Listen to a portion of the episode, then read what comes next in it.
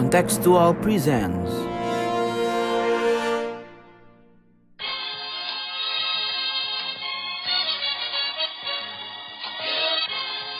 sondern wir schaffen uns unseren Staat. Mr. Gorbachev, open this gate. Together, we will make America great again. Sudah cukup bagi kita untuk mengatakan bahwa winter is coming. Selamat datang di podcast Bebas Aktif. Oke, di episode kali ini podcast Bebas Aktif akan ngebahas pertemuan terbaru dari eh, pemimpin-pemimpin tertinggi di Asia Tenggara atau KTT ASEAN yang berlangsung di Jakarta. Nah, di episode kali ini eh, seperti biasa ada gue Hafiz dan ada Mas Sofwan. Halo Mas Sofwan. Halo. Halo Mas Sofwan dan ada satu lagi uh, chief editor kita Ikhlas. Halo Ikhlas, udah lama Halo. nih tampil ya. Udah lama nggak ngisi bebas aktif. Yo, tapi um, hari ini obrolannya lagi Ya, yang penting jiwanya bebas dan aktif ya. Itu harus selalu. Harus. Kan Ikhlas ini anggota BEM UI Mas, pasti bebas dan aktif sih. Biasanya kayak gitu. Oh, Waduh. biasa. Biasanya.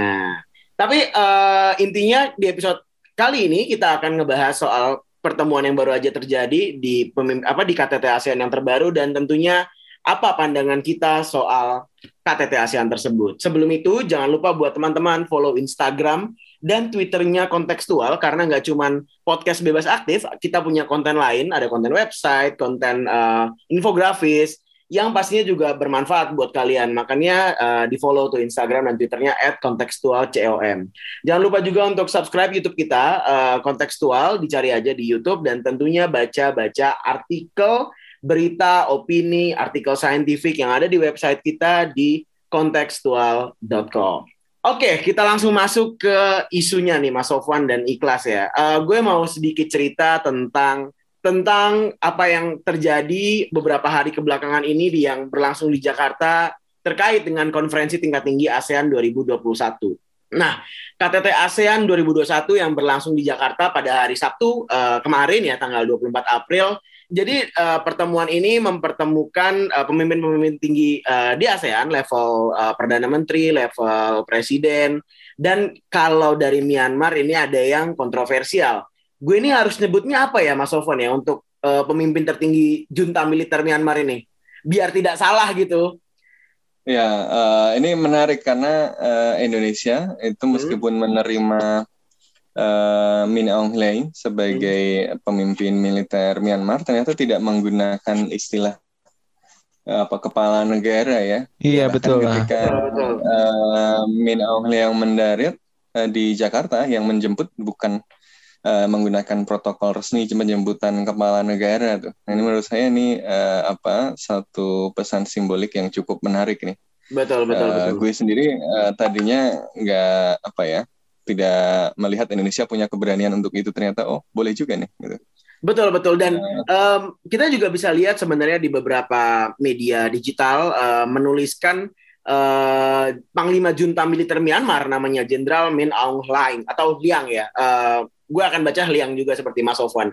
Nah selain selain Eh, eh, gue, gue juga nggak tahu nih yang benar bacanya. Betul betul betul. Tapi kita baca seperti yang tadi aja ya, Min Aung Hlaing. Kalau misalnya ada teman-teman yang bilang eh, yang merasa ini salah, boleh dikoreksi kita di komentar di Instagram atau di Twitter. Tapi lanjut ya Mas ya. Eh, aku pengen ngasih tahu juga bahwa yang hadir kalau untuk di level eh, eksekutif itu ada Presiden Indonesia eh, Pak Jokowi, ada Perdana Menteri Vietnam, eh, Perdana Menteri Kamboja, Perdana Menteri Malaysia, dan Perdana Menteri Singapura. Sedangkan untuk dari Filipina eh, ada Menteri Luar Negeri, di Thailand juga ada Menteri Luar Negerinya, begitupun juga dengan Laos. Eh, itu semuanya mengirim eh, Menteri Luar Negerinya. Jadi eh, memang sebuah pertemuan yang levelnya eksekutif dan KTT ASEAN adalah pertemuan paling tingginya ya kalau di eh, level Asia Tenggara. Nah, eh, dari pertemuan tersebut uh, ada lima konsensus katanya kemarin.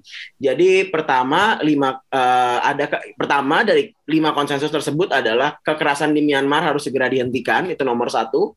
Yang nomor dua ada harus ada dialog konstruktif untuk mencari solusi damai. Ketiga, bahwa ASEAN akan memfasilitasi mediasi. Keempat, ASEAN akan memberikan bantuan kemanusiaan melalui AHA Center dan akan ada utusan khusus ASEAN ke Myanmar mungkin untuk melakukan um, apa observasi di sana. Nah, ini sebenarnya um, ini sebenarnya uh, resolusi yang tipikal ASEAN. Uh, penuh dengan narasi-narasi konstruktif dengan mencari solusi damai tapi kayaknya um, ada mungkin ada mungkin ada pandangan lain dari ikhlas dan dari Mas Sofwan dan begitu juga dari gue. Nah mungkin uh, gue akan langsung coba nanya ke Mas Sofwan nih. Mas Sofwan, ini udah ada lima konsensus. Awalnya waktu Indonesia uh, menerima Panglima Junta Militer ini, uh, tadi yang seperti Mas Sofwan bilang, kayaknya Indonesia nggak berani untuk ngomong uh, tidak menghargai dia sebagai kepala negara atau bahkan tidak berani untuk menolak dia datang ke Indonesia sampai lumayan uh, ramai lah di media sosial dan wajar sekali ada ada um, apa kontroversi seperti itu. Nah, setelah hasilnya keluar, konsensusnya ini keluar, gimana Mas Sofwan melihat uh, KTT ASEAN ini, Mas? Ya, kalau apa menurut gue ini adalah um, hasil KTT yang yang cukup menarik ya, uh, cukup baik menurut gue karena Uh, saya kira pesannya cukup jelas dan menunjukkan bahwa ASEAN sebenarnya yang memberikan perhatian yang uh, cukup serius kepada persoalan ini gitu ya. Uh, tapi memang kita masih perlu menunggu apakah hasilnya seperti yang diharapkan. Ya, kalau menurut gue ini adalah pertaruhan yang penuh risiko buat ASEAN maupun buat Indonesia sendiri sebagai negara yang uh, tentu memiliki kepentingan untuk uh, memastikan bahwa kawasan ini tetap kondusif ya. ya apalagi Indonesia dilihat sebagai sering dilihat sebagai negara yang harus memainkan peran kepemimpinan di ASEAN. Dan kita berulang kali misalnya melihat bagaimana uh, Menteri Luar Negeri Bu Retno Marsudi maupun uh, berbagai jajaran di Kementerian Luar Negeri dan saya kira juga di share sentimen ini oleh uh, banyak pihak di Indonesia bahwa persoalan Myanmar ini ya semacam ujian bagi Indonesia dan ASEAN. Uh, kalau Indonesia berhasil memainkan peran leadership yang uh, bermakna di dalam penyelesaian krisis Myanmar kali ini, uh, maka ya leverage Indonesia uh, di dalam politik kawasan maupun politik internasional akan uh, terangkat gitu ya. Sebaliknya kalau gagal, ya maka Indonesia tidak lagi dihitung sebagai aktor yang perlu diperhitungkan di kawasan gitu ya. Dan ini tidak hanya berlaku untuk Indonesia, tapi juga untuk ASEAN secara umum. Kita melihat bahwa negara-negara besar yang sebenarnya punya banyak kepentingan di uh, kawasan dan dengan demikian memantau Myanmar dengan sangat uh, dekat ya dari negara-negara uh, tentu saja Tiongkok ya bahkan kemarin Rusia uh, masuk itu kemudian Amerika Serikat uh, ya banyak uh, baik Tiongkok maupun Amerika Serikat dan Jepang misalnya uh, itu menunggu ASEAN melakukan sesuatu yang signifikan masih memberikan apa ya semacam uh, ruang untuk ASEAN Eh, menjadi pemegang inisiatif. Jadi ini semacam semacam tes gitu. ASEAN ini bisa berfungsi nggak untuk menyelesaikan krisis ini? Kalau enggak, nanti Amerika Serikat misalnya dalam politik internasional di kawasan mungkin tidak akan uh, lagi memperhatikan uh, ASEAN. Mungkin ya akan jalan sendiri dengan kuatnya. Uh, mungkin Tiongkok juga nggak akan lagi uh, paying service to apa ide ASEAN centrality ya Jepang juga mungkin tidak perlu menegaskan itu ketika ngomong uh, soal uh, strategi Indo-Pasifik. Jadi ini tes yang sangat penting bagi Indonesia dan bagi ASEAN.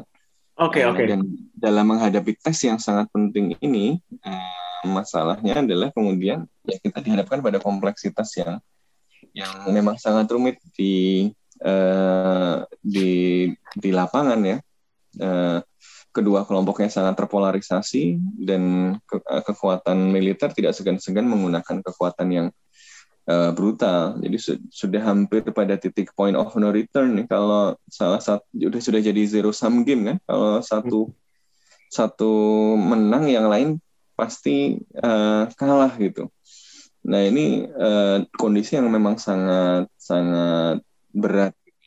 Itu pilihan yang mudah adalah uh, mengecam gitu ya dan kemudian uh, misalnya uh, ya mendorong uh, intervensi atau responsibility to protect. Tapi itu akan menimbulkan kompleksitas yang luar biasa karena tentu saja misalnya Tiongkok tidak akan campur tangan kalau ada kekuatan internasional yang kemudian masuk di wilayah yang sangat penting buat Tiongkok. Ini salah satu jalur utama Tiongkok menuju uh, Samudra Hindia loh ini. Ini ini kawasan yang secara geopolitik sangat penting bagi uh, Tiongkok. Makanya ketika kasusnya dibawa ke Security Council PBB ya Tiongkok dan Rusia yang kemudian menghentikannya. Nah itu satu komplikasi tersendiri. Nah makanya kemudian di satu sisi ASEAN dan Indonesia diminta untuk berperan, gitu. Tapi di sisi lain pilihannya nggak banyak dan salah satu pilihan itu yang memang harus dilakukan adalah uh, ya memastikan dulu bahwa kekerasannya terhenti dan ada engagement dari para uh, dengan dengan aktor yang terlibat karena secara de facto uh, ada yang pegang senjata dan uh, yang memegang uh, kendali atas instrumen-instrumen kekerasan itu dan kalau mau dihentikan ya secara realistis harus engage dengan itu. Tapi ini tentu bukan pilihan yang populer. Ketika Indonesia pertama kali berinisiatif misalnya berkunjung ke Naypyidaw, uh, itu kan malah di demo besar-besaran oleh masyarakat Myanmar gitu ya yang melihat bahwa lo ini malah melegitimasi kudeta dari uh, militer. Itu bisa juga dibaca demikian gitu. Tetapi kalau apa ya kalau kita lihat ya ini sebenarnya adalah upaya Indonesia uh, memikirkan jalan uh, keluarnya gitu yang yang berisiko gitu bisa jadi ya, yang ditakutkan orang kan kemudian pilihan Indonesia untuk uh, mengengage uh, pimpinan Tatmadaw ini akan dianggap sebagai legitimasi terhadap uh, junta. Tapi di sisi lain uh, kita juga uh, tidak melihat bahwa apakah visible gitu ya uh, untuk kemudian meminta uh, apa uh, junta mundur eh kita ngakuin national unity government saja gitu ya ya apakah itu kemudian menyelesaikan masalah secara real uh, nah itu yang kemudian uh, menurut gue sedang coba dilakukan Indonesia Oke okay. yang jelas bahwa ini problematik hmm. tolong hentikan Uh, tapi juga sekaligus percaya bahwa engagement harus dilakukan. Nah ini yang, yang menurut gue dilakukan dan itu pesannya menurut gue terlihat cukup jelas di dalam five point konsensus ya. Soal okay. apakah ini bisa dijalankan, nah itu nanti uh, kita diskusikan lebih lanjut. Ini kan nanti berkaitan dengan kok Thailand nggak ikut uh, pemimpinan tertingginya dan seterusnya. Iya, iya, iya. Oke. Uh, menurut lo gimana kelas? Kalau pandangan lo soal um, apa soal ya case ini gitu, soal uh, konsensus ini dan bagaimana kalau Mas Sofwan kan melihat um, ya ada dilema lah untuk uh, Indonesia dan uh, ASEAN pada umumnya uh, bertindak masih berhati-hati dan begitu pula dengan uh, Tiongkok dan segala macam yang mungkin nanti akan gue tanyakan lagi ke Mas Sofwan. Tapi kalau dari lo gimana, Kelas?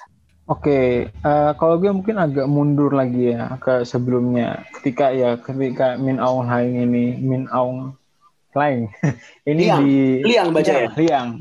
Min Aung Liang ini diundang uh, untuk datang di KTT di Jakarta ini. Nah, sebelumnya kan ada itu ada penolakan dari masyarakat sipil gitu yang menurut gue merupakan fenomena unik karena di ASEAN kalau di literatur-literatur dulu ya apalagi ya dibilangnya ya di negara-negara ASEAN ini eh, Indonesia nggak terkecuali gitu biasanya civil society-nya tuh kurang robust gitu. Tapi dalam menghadapi masalah ini gue ngelihat bahwa uh, ya masyarakat sipil itu makin kelihatan perannya. Sampai kemarin tuh waktu ada KTT-nya juga ada demonstrasi gitu kan di depan gedung sekretariat ASEAN-nya meskipun habis itu dibubarin polisi.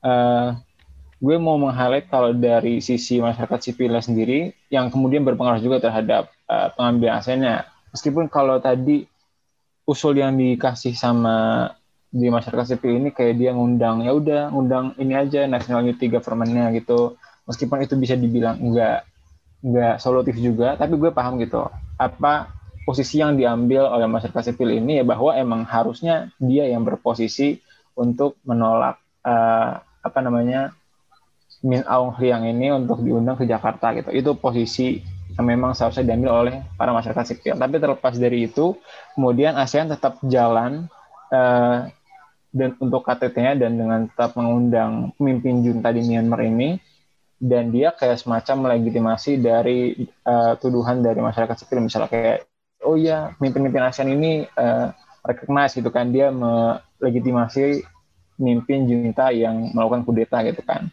Padahal iya padahal kalau dari uh, gestur yang kita lihat tadi misalnya ya mereka uh, Min Aung Hlaing ini disambutnya dia nggak sebagai kepala negara gitu kan tapi sebagai kepala militer. Dan dari sini aja udah kelihatan gitu kalau iya mungkin dia nggak uh, ya ASEAN nggak dengan sengaja melakukan rekognisi itu dan di sisi lain ada juga perspektif uh, baru gini kalau kemarin-kemarin gue baca dari Mas Andrew yang nulis di Jakarta Post gitu kalau ibaratnya uh, ya ASEAN ini kalau ibaratnya itu kan dia bukan sebuah regionalisme ala Barat gitu ya ala Uni Eropa gitu.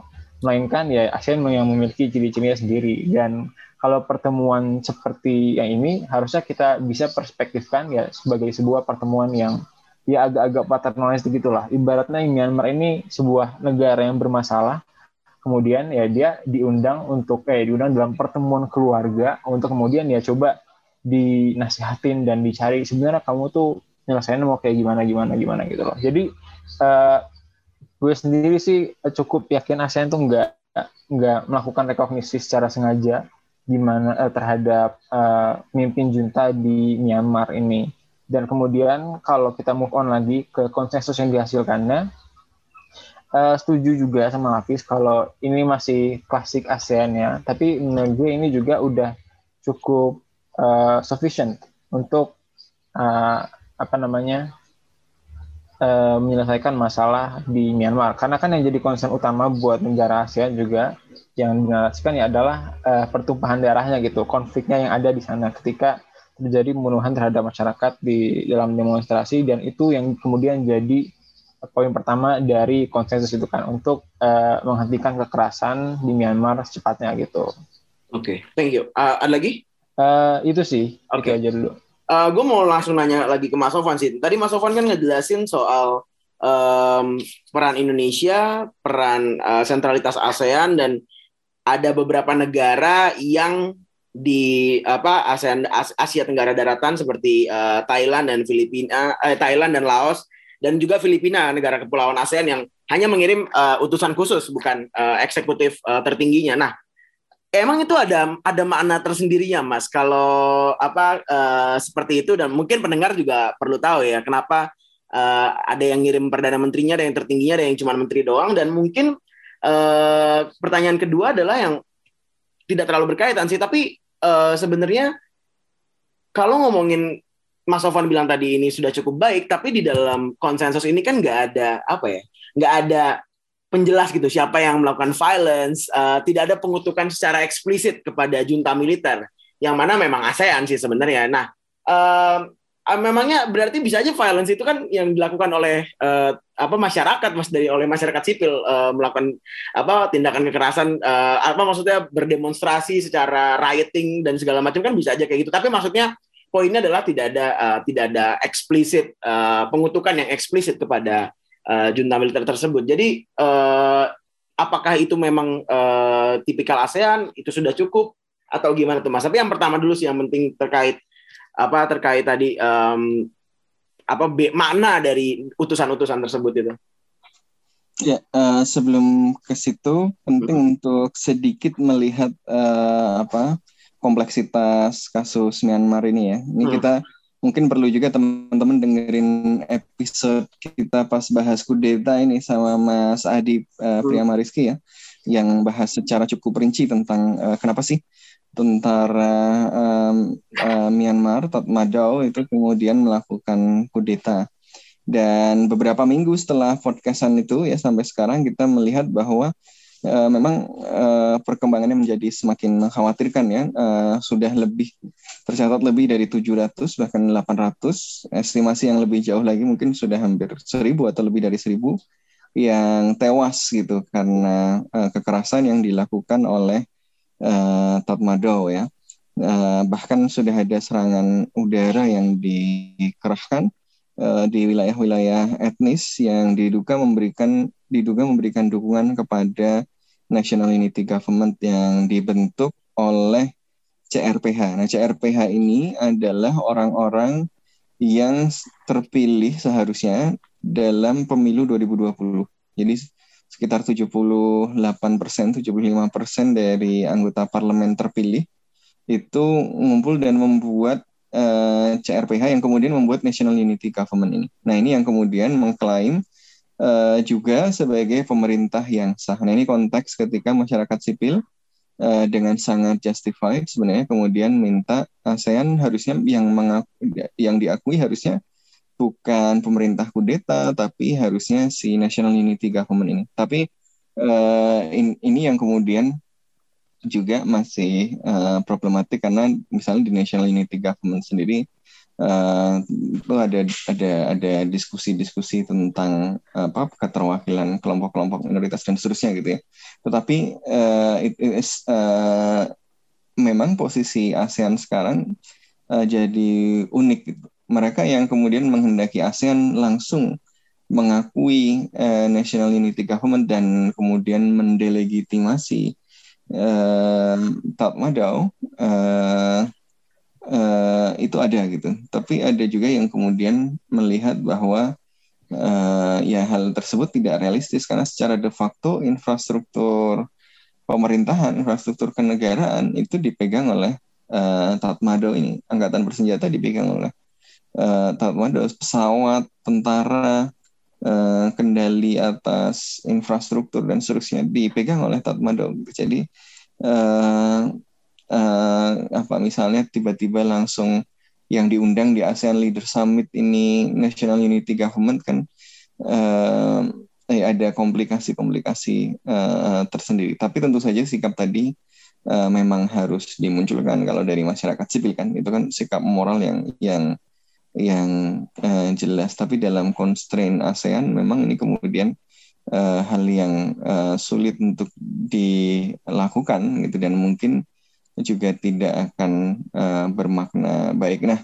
ini kemudian nyambung dengan uh, posisi. Jadi posisinya adalah sebenarnya semua negara apa semua pimpinan negara bahkan termasuk uh, yang mungkin cukup dekat dengan Myanmar ini juga sebenarnya kaget gitu ya barangkali dengan uh, ke, tingkat kekerasan yang dilakukan oleh uh, Tatmadaw ini. Dan tentu saja uh, ya ingin menghentikan uh, itu. Walaupun soal apakah uh, Myanmar kemudian harus jadi demokrasi lagi atau tidak itu hal lain. Karena di ASEAN sendiri sebenarnya uh, ada juga pemimpin, kudeta yang yang sudah yang yang ada di situ gitu ya, yang punya kecenderungan otoritarian juga banyak ya kan Uh, makanya kalau kita lihat misalnya uh, Thailand uh, perdana menterinya nggak datang gitu ya. Karena si perdana menteri ini sendiri juga sebenarnya uh, apa ya uh, ya hasil dari proses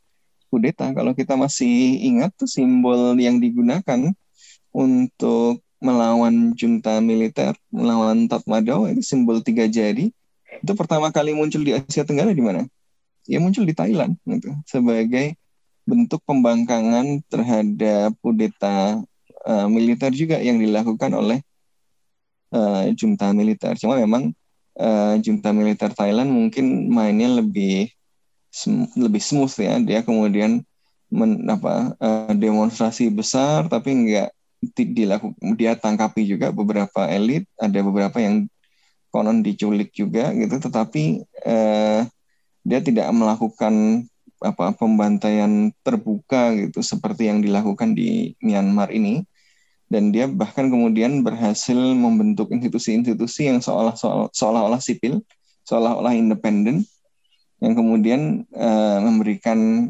uh, yes uh, a degree of uh, stability gitu ya protes-protes masih ada tapi masih jalan. Nah ini sebenarnya Myanmar kan ingin menjadi apa ya kira-kira bayangan Myanmar itu bayangan junta militer itu pengennya kayak uh, yang dilakukan oleh Thailand ini kudeta sebentar ada kekacauan sebentar tapi kemudian ada komite yang seolah-olah independen yang dibentuk oleh militer transisi politik tapi dengan catatan musuhnya militer yang jadi ancaman bagi militer ini nggak naik lagi gitu ya. Kayak kalau di Thailand taksin kan nggak bisa naik lagi gitu ya uh, nah ini ya harapannya misalnya Suci dan kawan-kawannya nggak naik lagi gitu ada ada pemilu tapi uh, apa yang mengancam ini uh, berkurang pengaruhnya. Jadi bayangannya itu mereka ingin masuk ke skenario Thailand. Tapi ternyata uh, perlawanan keras ya, dan kemudian reaksi dari militer juga tidak kalah keras. Jadi semakin uh, skenario semakin meleset dari skenario Thailand dan malah bisa jadi mengarah ke skenario Suriah gitu ya, di mana uh, apa kemudian uh, ya bisa mengarah pada perang saudara dengan pemerintah yang masing-masing mengklaim sebagai pemerintahan yang yang sah. Nah, dalam kondisi seperti ini, Thailand sebagai sesama militer dan mungkin hubungannya uh, apa uh, cukup uh, terjalin juga dengan militer Myanmar, ya tadinya kan mencoba memfasilitasi transisi yang tidak membahayakan ya maksudnya pas awal-awal itu uh, militer apa ketika uh, militer Myanmar itu mau menemui utusan dari luar negeri ketemunya kan di Thailand waktu itu ya. Uh, ini menunjukkan bahwa Thailand ya sepertinya uh, um, ya mencoba mengengage gitu Myanmar dengan uh, lebih konstruktif gitu istilahnya nah karena itu kemudian uh, saya kira menarik untuk melihat kenapa Thailand tidak mengirimkan pemimpin tertingginya untuk hadir ya. Saya kira uh, ini juga untuk menghindari uh, membuat komitmen-komitmen yang membuat Thailand dalam posisi susah gitu. Kan uh, semua tahu bahwa posisinya sulit nih. ASEAN ingin berbuat sesuatu dan semua semua tahu kalau ASEAN nggak ada artinya di sini, nggak ada giginya di sini. ASEAN nanti nggak relevan lagi deh gitu.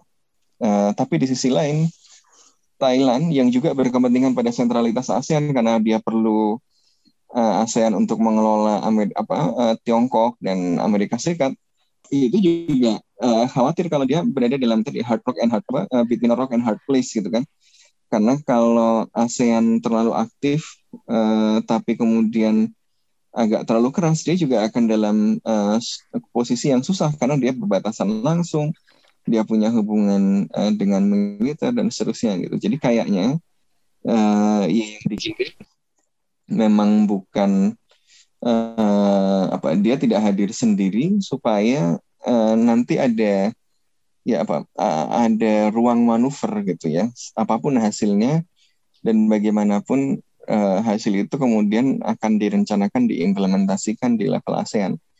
Uh, jadi uh, ini ya pak ya semacam semacam upaya untuk mem membuka ruang manuver tadi. Kalau pimpinan tertinggi kan sudah terkunci itu konsensusnya seperti apa dan pasti nggak enak suasananya kalau ya apa uh, si pemimpin tertinggi ini misalnya datang ke situ terus negara ASEAN yang lain terutama Indonesia kan sebenarnya eager sekali untuk menekan uh, apa Tatmadaw gitu. Uh, terus Thailand dalam posisi susah nih.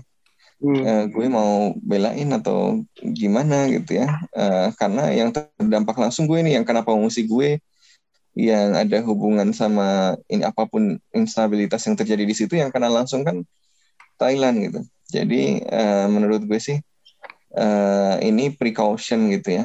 Uh, semacam precaution uh, jangan sampai kekunci gitu. Apa pun nanti summitnya hasilnya seperti apa, uh, gue harus menunjukkan bahwa gue terlibat gitu. Karena ini penting juga dan ASEAN harus berperan di situ. Tapi uh, gue juga nggak mau terkunci gitu. Jadi yang dikirim bukan orang yang nomor satu, uh, tapi cukup representatif lah gitu ya. Uh, walaupun itu sebenarnya uh, apa ya, ya bukan level uh, uh, highest leader kan gitu. Hmm. Jadi ini uh, adalah uh, menurut saya sangat berkaitan dengan posisi Thailand Dan kalau dalam hal ini juga Laos, ya Laos ini kan uh, juga sangat dekat dengan Tiongkok dan sangat dekat juga dengan Myanmar gitu kan secara geografis.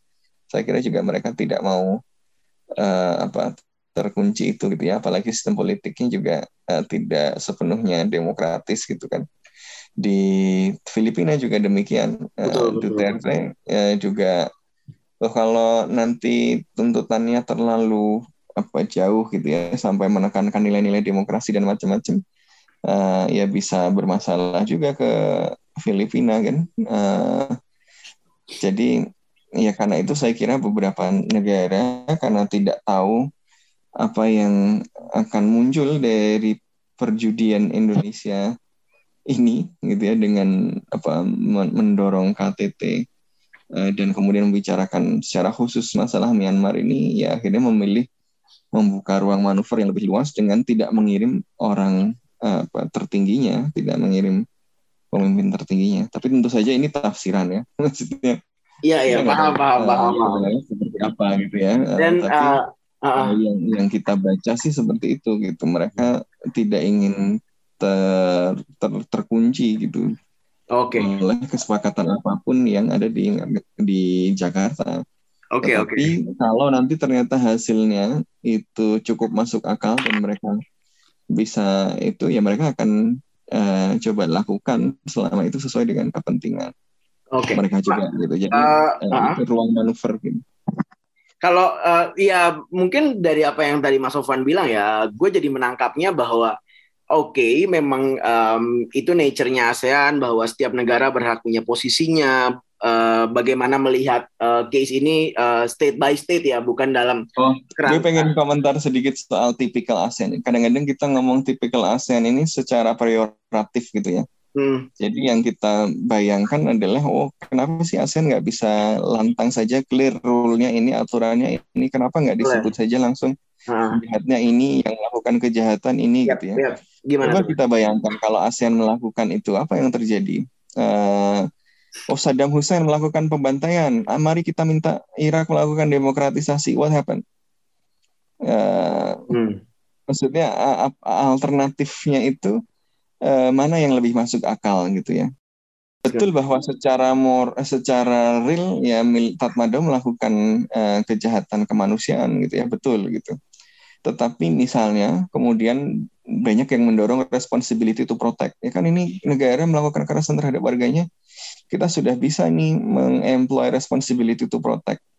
Uh, apakah ia visible ya, melakukan apa mendorong visibility to protect? Uh, militer Myanmar pegang uh, apa angkatan bersenjata yang cukup solid loh, pegang senjata yang cukup solid. Uh, di situ sebelahnya ada Tiongkok loh. Bayangkan kalau ada responsibility to protect, yang masuk siapa? PBB ini yang masuk siapa? Ya banyak yang kemudian uh, alih-alih menciptakan stabilitas gitu malah bisa uh, lebih kacau lagi gitu kalau iya, tidak dilakukan dengan uh, benar gitu. Oke. Okay. apa uh, jadi apa ya uh, kita juga tidak boleh melihat model engagement ASEAN yang misalnya tidak menyebut secara eksplisit ini sebagai sesuatu yang full negatif gitu ya. Ya ini memang yeah, okay. memang high context communication gitu. Uh, tidak apa, uh, memang sering bikin frustasi memang sering ASEAN apa kebanyakan hal-hal nggak penting itu gue setuju juga gitu tetapi dalam hal ini kadang-kadang cara seperti itu itu yang efektif gitu kadang-kadang cara yang seperti itu, itu efektif gitu okay. jadi okay. Uh, eh, ya diperlakukan uh, tanpa kehilangan muka biar dia tidak zero sum game gitu kalau dia dipermalukan malah zero sum game sekalian dan Rusia sudah ada di sana siap memberikan dukungan. Ini bisa bayangin kalau kita keras kemudian uh, ternyata Myanmar masih di backup Rusia dan di backup Tiongkok. Uh, mau ngapain juga gitu. Tapi Mas, Mas, tapi ini uh, jadi seperti apa ya uh, untuk sebagian orang pada akhirnya untuk orang-orang uh, yang belajar dan meneliti dan mungkin hanya sekedar mengobservasi ya uh, ini melihat jadi seperti ASEAN itu semakin permisif dengan uh, human rights violence karena ya Myanmar ini cuma satu dari beberapa human rights violence yang memang sedang terjadi di wilayah Asia Tenggara termasuk di negara kita sendiri gitu. Maksudnya kalau aku pribadi ya, aku pribadi ya, maksudnya um, uh, clear cut kok um, human rights violence-nya di depan mata siapa yang lakuin apa gitu kan. Betul, betul. Ketidakberanian ASEAN ini jadi kita malah seperti permisif dan membuat ya ASEAN malah kalau menurut aku ya instead of being relevant tapi sok-sok relevan tanpa ada relevansi yang malah kuat sama sekali. Kalau aku ngeliatnya gitu ya. Uh, sebagai hmm. orang yang sebagai orang yang berharap ASEAN punya uh, punya langkah lebih jauh untuk uh, untuk bertindak at least di kasus uh, di kasus Myanmar saat ini dan mungkin to some extent di kasus demokratisasi Thailand yang kemarin juga sempat uh, problematik. Mm-hmm. Kalau aku melihatnya gitu sih. itu yang ya, kalau menurut gue ini uh, itu setuju gitu. Hmm. Tetapi harus kontekstual ya kan. Jadi ya, harus uh, power itu kontekstual. Jadi kita harus tahu yang realistis dilakukan untuk posisi moral tertentu itu seperti apa gitu ya. Jadi kita tahu uh, penjahatnya siapa, tapi apakah kita misalnya uh, punya kemewahan untuk kemudian ngomong ke penjahatnya, uh, diam lu gue pukulin gitu ya. Kalau kita tidak punya uh, kapasitas yang memadai untuk itu, gitu. Jadi uh, uh, dan menurut gue ya uh, yang kemarin apa pesan kemarin itu apa masih lowest common denominator dulu gitu. Ya, yang penting violence-nya berhenti dulu gitu. Uh, dan uh, apa sampai di situ saja menurut gue uh, is a good start gitu. Belum ideal tapi a good start gitu. Okay. daripada mengutuk-ngutuk tapi uh, tapi malah uh, apa malah further isolating uh, Myanmar. Kalau gue percaya gini aktor itu tidak hanya bertindak berdasarkan logic of consequences gitu ya. Uh, dia juga uh, apa uh, apa yang kemudian ada di kepalanya, apa yang ada di perhitungannya itu juga dikonstruksikan secara sosial. Karena itu engagement dia dengan dia itu juga penting. Uh, supaya dia uh, learning, dia belajar ekspektasi, ekspektasi dari aktor lain seperti apa sehingga dia misalnya melihat bahwa oke okay, belum terlambat buat gue untuk bertobat gitu. Belum terlambat buat gue untuk kemudian mengubah sikap sedikit gitu ya. Uh, jadi kalau langsung di kalau Sun Tzu kan bilang gitu kan kalau ada musuh terdesak kasih lubang sedikit gitu biar dia bisa kabur. Kalau malah ditutup semuanya dia malah makin brutal gitu.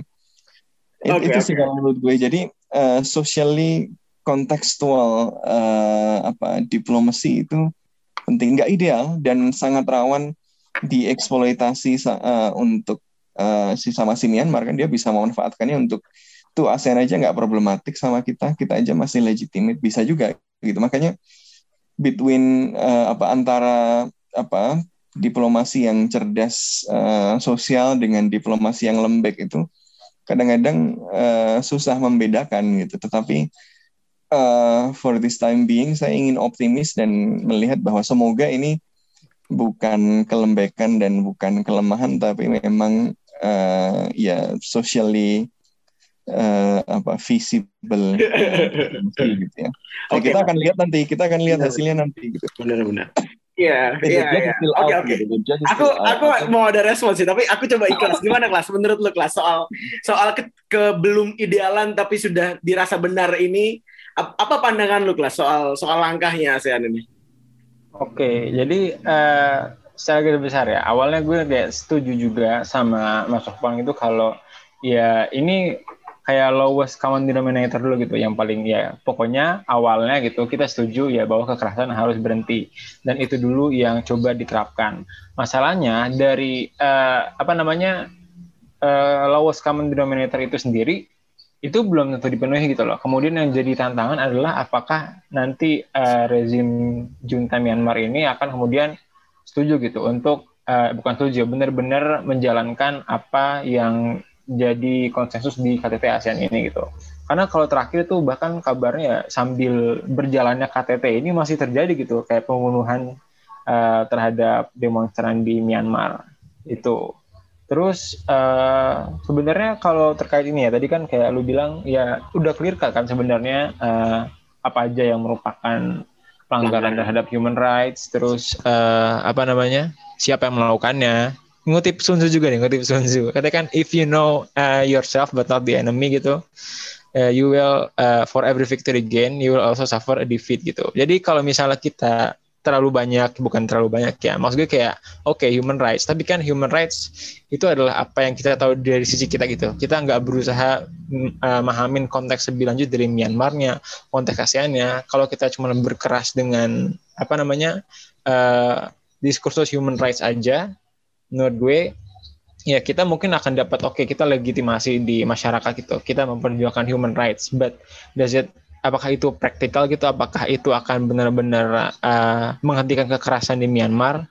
Gitu. Jadi kalau menurut gue ya ada ada perbedaan uh, sudut pandang juga gitu. Antara orang yang pengen menegaskan kayak posisi politiknya dulu kayak tadi posisi moralnya sama ya kayak kerja-kerja yang benar-benar ada substantial resolution gitu yang benar-benar mengarah ke uh, pada kepada kemajuan gitu meskipun ya sekali lagi banyak lihat banyak pihak melihat ini enggak ideal dan uh, apa namanya uh, masih banyak tantangan juga dalam penerapannya tapi di sisi lain di sisi lain menurut gue ini karena gimana ya? Iya karena di ASEAN juga meskipun Indonesia bertindak ya sering bertindak atau diekspektasikan untuk bertindak sebagai pemimpin gitu untuk mendorong ASEAN, tapi ya pada akhirnya nggak ada yang benar-benar dominan kan di ASEAN dan kita lihat ada banyak dinamika dari masing-masing negara sendiri dengan Myanmar gitu. Beda posisinya kalau Amerika sebagai hegemon gitu atau China sebagai regional powers kalau dia ikut ke dalam suatu matters dia kayak lebih memaksakan posisinya aja gitu. Kayak ya udah ini dari gue gitu dari lo gimana sementara kalau kita ya benar-benar harus balik lagi mencari konsensus yang sulit di tingkat ASEAN tapi uh, kita nggak tahu sih track recordnya. Seringkali masih bisa make it work gitu dan hopefully sekarang juga bisa sih. Tapi ya kalau gue jadi ngeliatnya gini jadi kita bisa aja uh, permisif sama hal-hal yang pada kasus lebih mikro. Misalnya kayak oh iya dia um, apa dia um, membunuh uh, kelompok minoritas karena mentalnya terganggu gitu itu kan jadi mirip-mirip sama permisif kayak gitu dan oh konsensusnya adalah oh ya dia jangan dihukum mati tapi ya udah hukuman ringan karena dia cuman kena gangguan jiwa misalnya. Maksudnya uh, poinnya adalah where does it beda end sih, gitu loh. apa? Beda sih. Kalau iya itu sih. kan mengkompromikan posisi moral. Misalnya kita memaklumi kejahatan. Ini kita tidak ada posisi gini ada uh, posisi uh, taktis ya dan ada posisi uh, uh, ideasional gitu. Posisi okay. ideasionalnya kan tetap clear bahwa bahwa apa kita harus mengecam uh, kejahatan terhadap kemanusiaan gitu ya. Tapi posisi taktisnya adalah uh, kita mau kasusnya selesai, mau krisisnya selesai, atau kita mau feel good sebagai pembela hak asasi manusia tapi pembantaian yeah. terjadi gitu. Iya, tapi maksudnya uh, pada case yang sama tapi, ya, pada case yang sama ya bisa kita juga terapin kayak misalnya uh, apa pendemo omnibus law misalnya. Kayak ya itu kan nggak taktis tapi itu kan ideasional maksudnya padahal bisa aja ikut uh, rapat di uh, dengar pendapat di DPR misalnya daripada turun ke jalan keringetan nggak ada hasilnya Maksudnya uh, kalau ngomongin eh, nasional ya. Nih, saya termasuk yang turun ini. Iya, saya juga termasuk yang turun. Uh, eh bukan gue yang uh, PKS, bukan yang secara taktis. Nah, tapi maksudnya kalau ngomongin taktis dan ideasional, kalau kita selalu memaafkan uh, gagasan ideasional kepada taktis, banyak hal yang kita bisa maafkan gitu loh. Dan akhirnya apa yang dilakukan oleh Myanmar pada akhirnya jadi termaafkan dengan dengan dengan alasan uh, taktis padahal taktiknya belum tentu uh, berpengaruh malah juga pada Myanmar dan ya akan semakin akan semakin ada ratusan ribuan orang yang terus terbunuh di Myanmar. Ya, mungkin uh, menurut gue kalau apa dianalogikan dengan kasus lain itu overstretch karena setiap yeah. kasus itu setiap kasus itu pasti unik gitu ya. Jadi judgementnya harus per kasus gitu. Makanya, makanya kayak tadi itu apakah itu lembek atau ini itu seperti apa ya kita lihat kasusnya aja. Kalau begitu gini, posisi moral sudah clear bahwa ini uh, kejahatan kemanusiaan itu clear gitu ya. Yeah. Kekerasannya uh, brutal itu clear dan harus ditentang dan dihentikan itu clear gitu. Uh, pertanyaan kemudian adalah persoalan taktis. Gimana cara kita menghentikannya? Bagaimana misalnya opsi yang ini, karena setiap kasus itu unik, kita harus menimbang opsi-opsi yang ada di masing-masing kasus ya kan.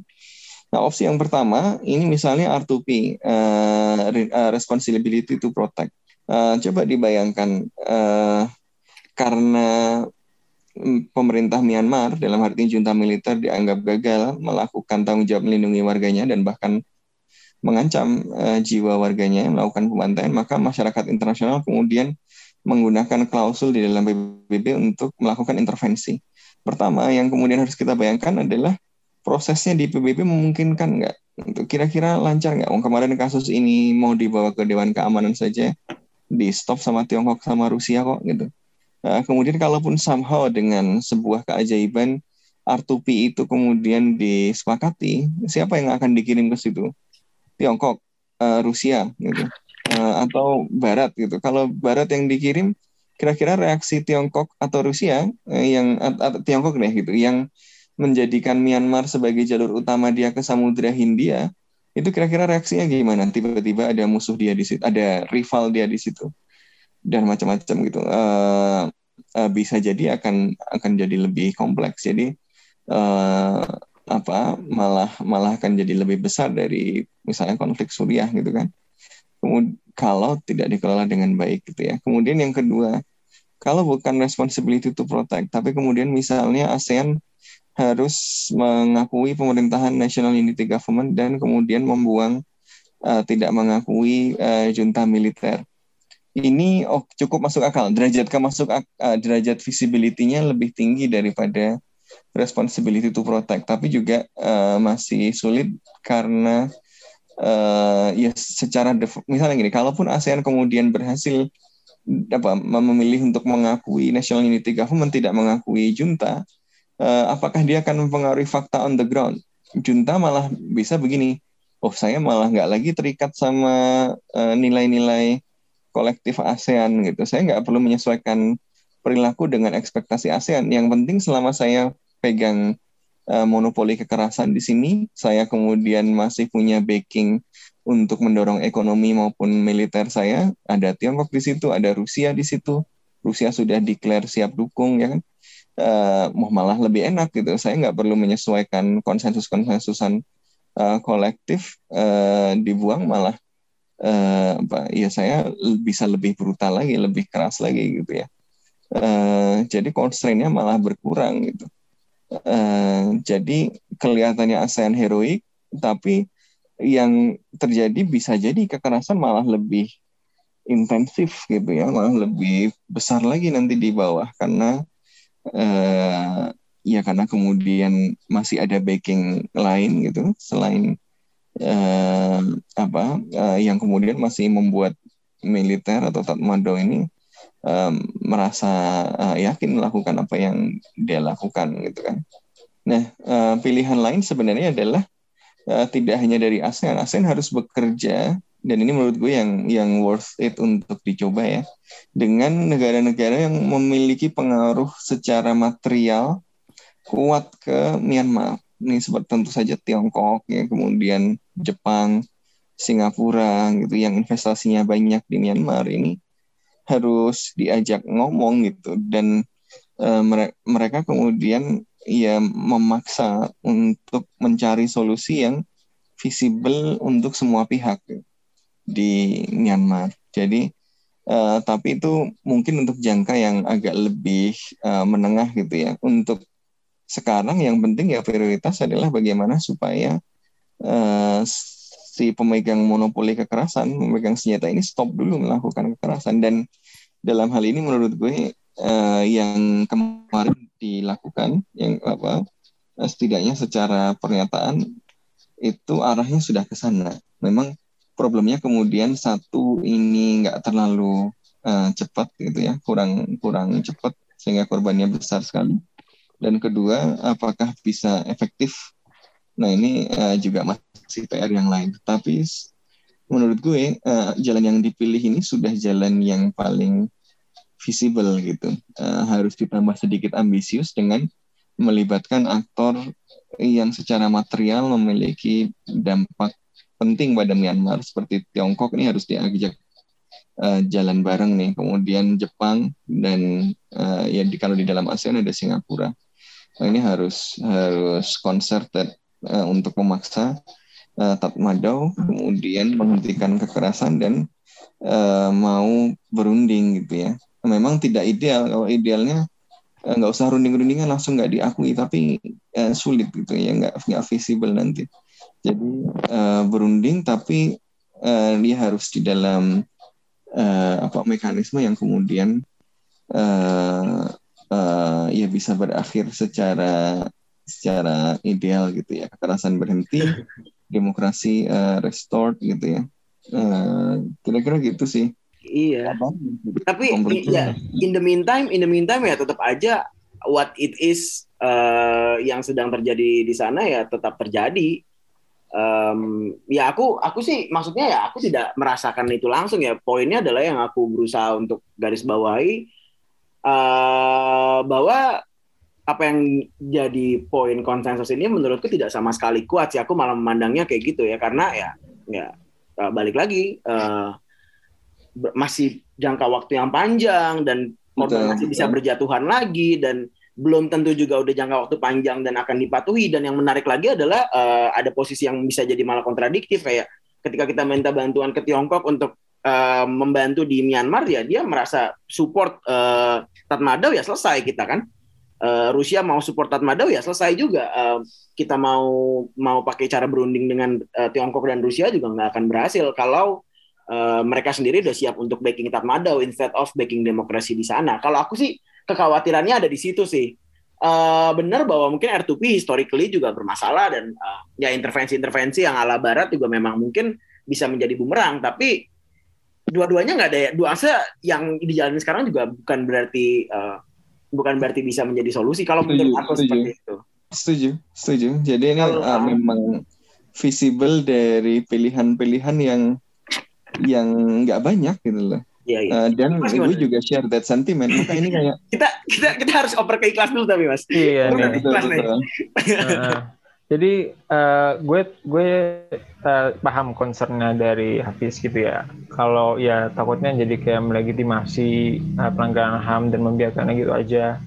Dan kalau secara dalam konteks lain kita juga lihat ada juga organisasi regional yang mungkin arahnya tuh lebih ke kayak gitu gitu kayak Uni Afrika gitu kan African Union itu kayak sering dipermasalahkan ya dia jadi melindungi diktator-diktator yang ada di dalamnya gitu. Hmm. kayak Omar Al Bashir gitu kan dan juga eh, diktator-diktator lainnya yang kayak dilindungi dari tuduhan internasional atas pelanggaran HAM sampai ada juga yang genosida dan lain-lainnya tapi enggak akhirnya justru kayak Uni Afrika ini jadi bersatu gitu buat melindungi mereka. Kalau di konteks ASEAN paling nggak gue ngeliatnya ya kita nggak pengen eh, kita nggak bisa seideal langsung kita eh, tanganin semua pelanggaran HAM gimana, tapi paling nggak ada itikat baik untuk nanganin gitu loh. Kalau ada permasalahan di Myanmar gini, kita udah ada coba buat KTT, kita buat konsensus untuk ke arah sana dan kita nggak cuma sekedar berdiam diri gitu aja atau berpangku tangan aja atau bahkan melindungi eh, junta militer yang sekarang berkuasa Myanmar, di Myanmar gitu sih kata gue. Oke. Tapi menurut gue skeptisisme kayak gini tuh bagus juga. Maksudnya gini, Iya, ha. uh, gue merasa langkah yang paling visible iya, tapi slow dan tapi uh, mungkin memang paling visible gitu ya. Uh, nah tapi kemudian concern-concern semacam dari Hafiz dan tuntutan yang lebih keras lagi dari masyarakat sipil itu penting Betul. supaya Iya, tetap on the makanya. track gitu loh. Jadi uh, jadi nggak apa-apa, itu malah malah apa-apa. bagus. Memang tekanannya harus keras, malah justru jangan tunjukkan oh ASEAN udah bagus sih, jangan gitu. Tekan terus gitu ya. Uh, Kan terus. uh, justru harus tekan terus supaya kemudian ASEAN bisa uh, menyesuaikan ekspektasi itu oh ada ekspektasi dari publik yang ideal gitu Betul, sehingga betul. langkah taktis yang saya lakukan ini memang untuk serving that ideal gitu loh. Nah ini terus harus jalan terus gitu. Iya. Maksudnya Bahwa kalau kemudian yang ideal nggak bisa dieksekusi karena not executable gitu. Eh, Iya. Ya nggak apa-apa. Tapi yang ideal itu jadi panduan eh, dalam menavigasi labirin taktis yang tadi kontekstual tadi itu. Gitu. Betul, betul. Dan setuju, setuju. Eh, benar dan menurut gue eh, penting juga ya eh, karena apa kayak misalnya menurut gue panglima ditolak eh, masuk ke Indonesia tuh bukan langkah yang taktis karena Iya. eh, dia dia datang ya akhirnya Indonesia juga ngomong itu sebagai panglima dan dia memang saat ini adalah yang paling berkuasa di Myanmar maksudnya itu bukan langkah yang taktis itu malah bisa menciptakan bumerang outrage yang be- bermasalah Tapi dalam dalam apa dalam kayak resolusi, uh, policy brief atau ya semacam itu ada tekanan-tekanan yang lebih kuat malah gue uh, merasa itu taktik yang lebih harusnya diimplementasikan. Ya mudah-mudahan kita berharap lah ya ASEAN atau siapa pun atau mungkin tiba-tiba uh, apa uh, Juntamin dia bangun pagi kayak oke okay, ini gue ngakuin ini salah nih terus dia ingin ya, tiba-tiba dapat pencerahan ya kan? Dapat pencerahan gitu di, di di gua mana gitu atau di apa di playlistnya yang di tiba-tiba tiba-tiba nge-tweet gitu. Sorry guys aku salah di Jakarta gitu. kan? Iya iya iya tapi iya kan tiba-tiba dia di Jakarta gitu terus dia apa merasakan uh, naik KRL naik gitu, gitu kan? Terus uh, wah. Ya, mas, ya gitulah. Iya. jangan-jangan. Rasakan demokrasi vibrant demokrasi mas indahnya oh, perdamaian meskipun demokrasi yang di Indonesia juga tidak ideal tapi seenggaknya wah ini ada ada suara publik gitu. Tapi oke okay, uh, eh, hari ini seru dan ini karena udah satu jam kita uh, eh, gue mau tutup ya. Uh, mungkin terakhir adalah uh, karena tadi kita ngomongin soal gambaran ideal, gambaran ideal seperti apa, possibilities dan segala macam. Gambaran ideal menurut kita gimana? Dari kelas dulu deh. Gimana kelas? Gambaran ideal menurut lo soal kejadian di uh, soal um, situasi di Myanmar?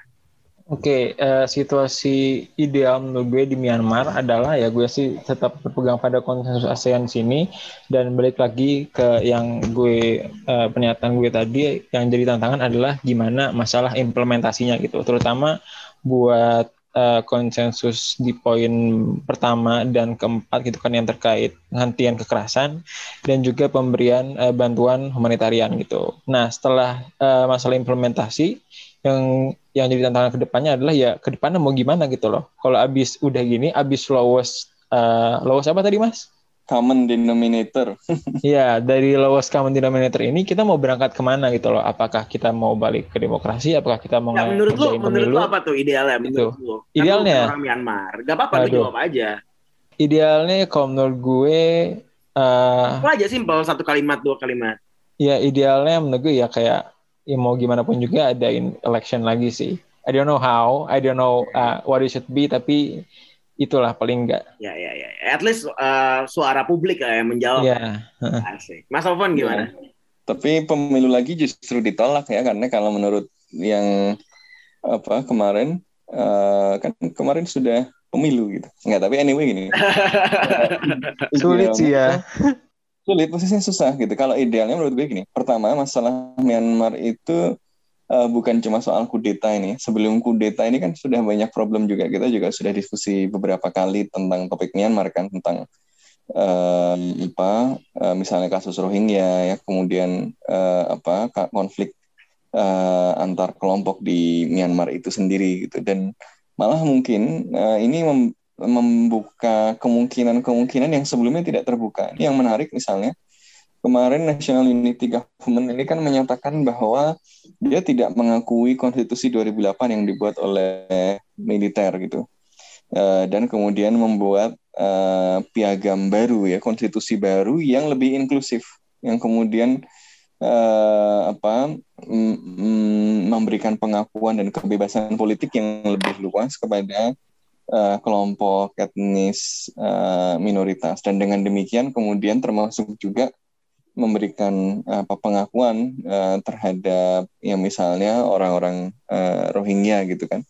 Nah, salah satu yang menarik dari kasus ini kan kemarin orang-orang Myanmar itu kalau kita lihat di media sosial termasuk yang orang-orang NLD itu kan keras sekali kalau soal Myanmar ya. Itu mereka bukan orang Myanmar tuh, mereka orang Bangladesh gitu kan kalau tapi sekarang uh, posisi mereka kan jadi berubah gitu karena oh ternyata militer Myanmar kejam dan brutal juga. Ternyata ini ini juga yang dulu dialami oleh orang-orang Rohingya gitu ya.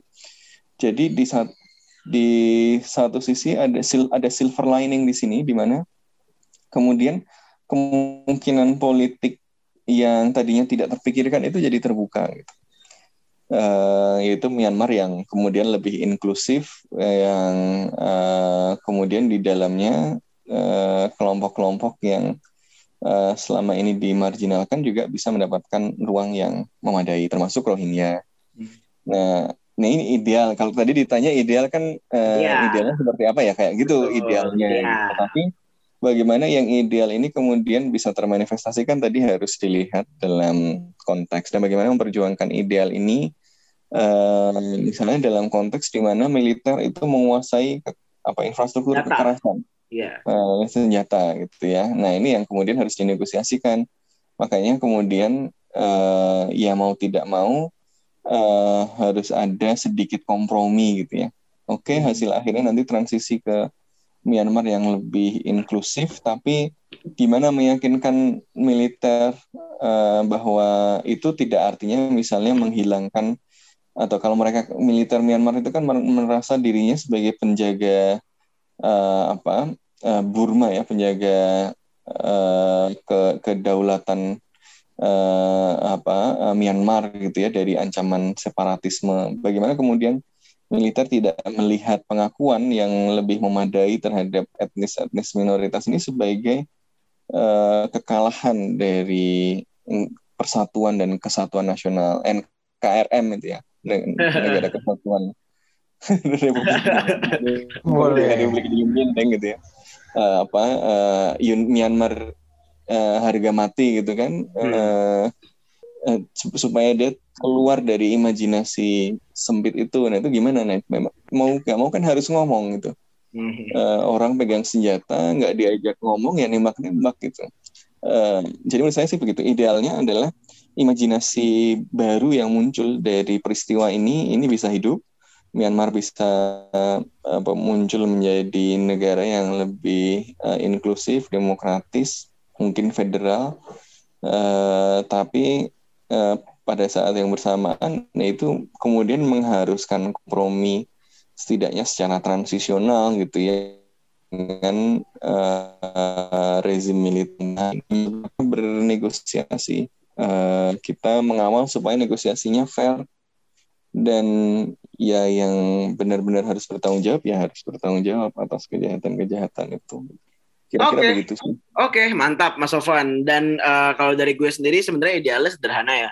Eh, tentu kalau dari gue bagaimanapun juga pada akhirnya kan em, suara rakyat lah yang menentukan ya. Eh, untuk mengembalikan demokrasi kan pasti kita harus mendengar suara rakyat yang murni ya, yang tidak dicurangi, yang tidak ditutup-tutupi, yang tidak dilarang-larang dan yang misalnya sampai bisa memberikan Rohingya eh, hak suara di pemilu selanjutnya. Gue agak eh, cukup banyak setuju sama Ikhlas bahwa ya kedaulatan kan di tangan rakyat bahwa ya jadi kedaulatan Myanmar ya di tangan rakyat Myanmar. Bagaimanapun mereka ingin ya kalau pada akhirnya mereka memilih junta eh, secara bersih ya keputusan pemilu ya itu eh, itu udah di luar dari apa yang gue anggap ideal. Tapi ya itu apa yang warga Myanmar ingin misalnya ya. Jadi ini maksudnya orang ini ideal kan tanpa ketakutan tanpa apa secara murni jernih tanpa ada ancaman pilihannya siapa eh, dikembalikan ke tangan eh, rakyat Myanmar. Kalau gue sih seperti itu dan mungkin eh, di harapan di yang sebenarnya gue harapkan juga dari eh, konsensus ASEAN yaitu ada ada desakan untuk mengemba, apa, menjalankan kembali pemilu eh, apa melakukan pemilu lagi yang bersih gitu dengan em, apa eh, watch eh, apa watch itu eh, pa- pantauan ya dari ASEAN dan mungkin PBB dan mungkin eh, organisasi multilateral lainnya. Kalau dari gue idealnya kayak gitu sih. Tapi eh, gue juga setuju bahwa eh, apa yang taktis mungkin eh, bisa bisa kita lakukan. eh, itu yang hanya bisa kita lakukan. Yang tadi Mas Sofwan bilang dan semoga eh, kalau gue sih ya tidak ada lagi nyawa yang berjatuhan ya. Eh, kita berharap pasti ya di di Myanmar tidak ada lagi nyawa yang berjatuhan di sana. Gitu kali ya teman-teman. Eh, aman ya? Seru sekali eh, podcast sore ini. Eh, terima kasih banyak eh, Mas Sofwan. Terima kasih juga Ya, Ikhlas. kita pokoknya berdoa yang terbaik Ya, eh, untuk Semoga yang terbaik. dan- Betul, betul, betul. Jadi memang apa tentunya kita berharap lah eh, semuanya menjadi lebih stabil lagi. Segitu dulu dari gue, dari Mas Sofwan dan dari Ikhlas. Jangan lupa buat dengerin podcast episode lainnya dan juga episode-episode selanjutnya. Dan jangan lupa dengerin podcast Kasua. Untuk episode kali ini kita pamit. Sampai jumpa di episode selanjutnya. Bye-bye. Sampai Bye bye, jumpa. sampai jumpa. Ya.